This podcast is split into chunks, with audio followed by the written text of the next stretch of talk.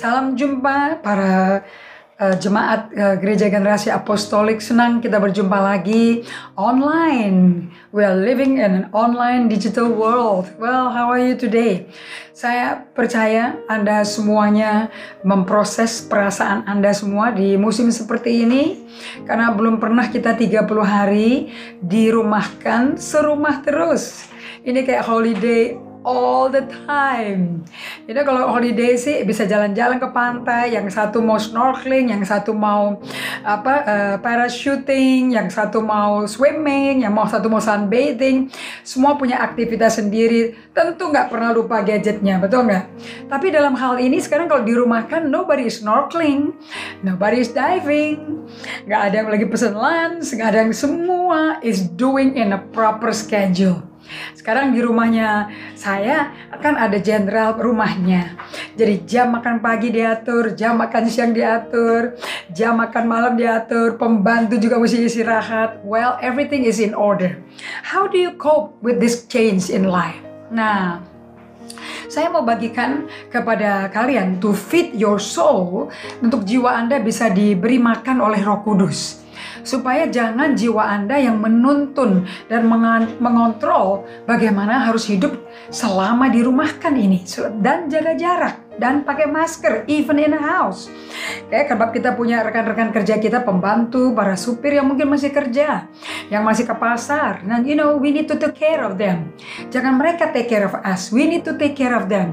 Saya tanya sama koki saya, how are you? Bagaimana rasanya? Perasaannya gimana? Lebih capek tegang? How is it? You know? Because otherwise makanannya nggak bisa makan ntar kalau dia lagi stres gitu loh. Nah di musim ini ini masih Yesus ada di bumi setelah dia bangkit dari mati. So when we talk about Passover Paskah itu artinya Yesus bangkit dari mati. Dia terobos kuburan. And dia bangkit dari mati setelah tiga hari dia pergi ke dunianya orang mati. Di pada saat dia bangkit dari mati, dia kalahkan kematian, dia kalahkan uh, kegelapan, kuasa kegelapan kematian dia kalahkan. Dan semua yang mati di dalam Kristus sebelum dia uh, disalibkan, semua kan kuburan terbuka di Yerusalem. Dan mereka yang di dalam Kristus jalan-jalan ke Yerusalem menyatakan mereka hidup. So kebangkitan ini bukan hanya buat Yesus, tapi dia menjadi buah sulung bagi Anda dan saya. So saya mau kasih tahu pada Anda semua di Yohanes pasal ke-20.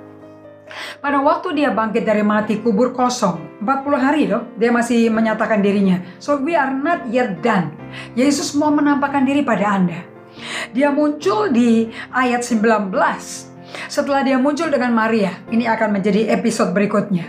You know, semua uh, emosi para muridnya, orang-orang yang sudah mendapat berkat dan kasih dari Yesus selama dia tiga setengah tahun di bumi. Emosi mereka depresi, takut, nangis, sedih, marah, kok hilang orang yang mereka hormati ini. Oke, okay?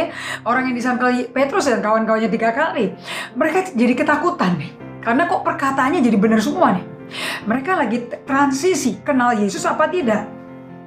Nah pada waktu Yesus masuk ke rumah tempat setelah dia bangkit pakai tubuh dipermuliakan ya. Setelah dia bangkit dari mati dia nembus loh rumah yang digembok kunci kencang.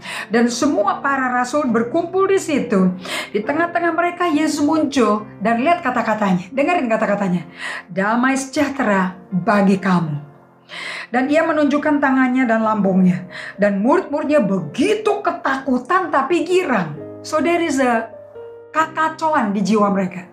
Nah, saya percaya di musim ini banyak Anda juga mengalami kekacauan. Mungkin Anda belum meng, belum capture the change, hal penting yang Anda mesti lakukan untuk kebaikan Anda.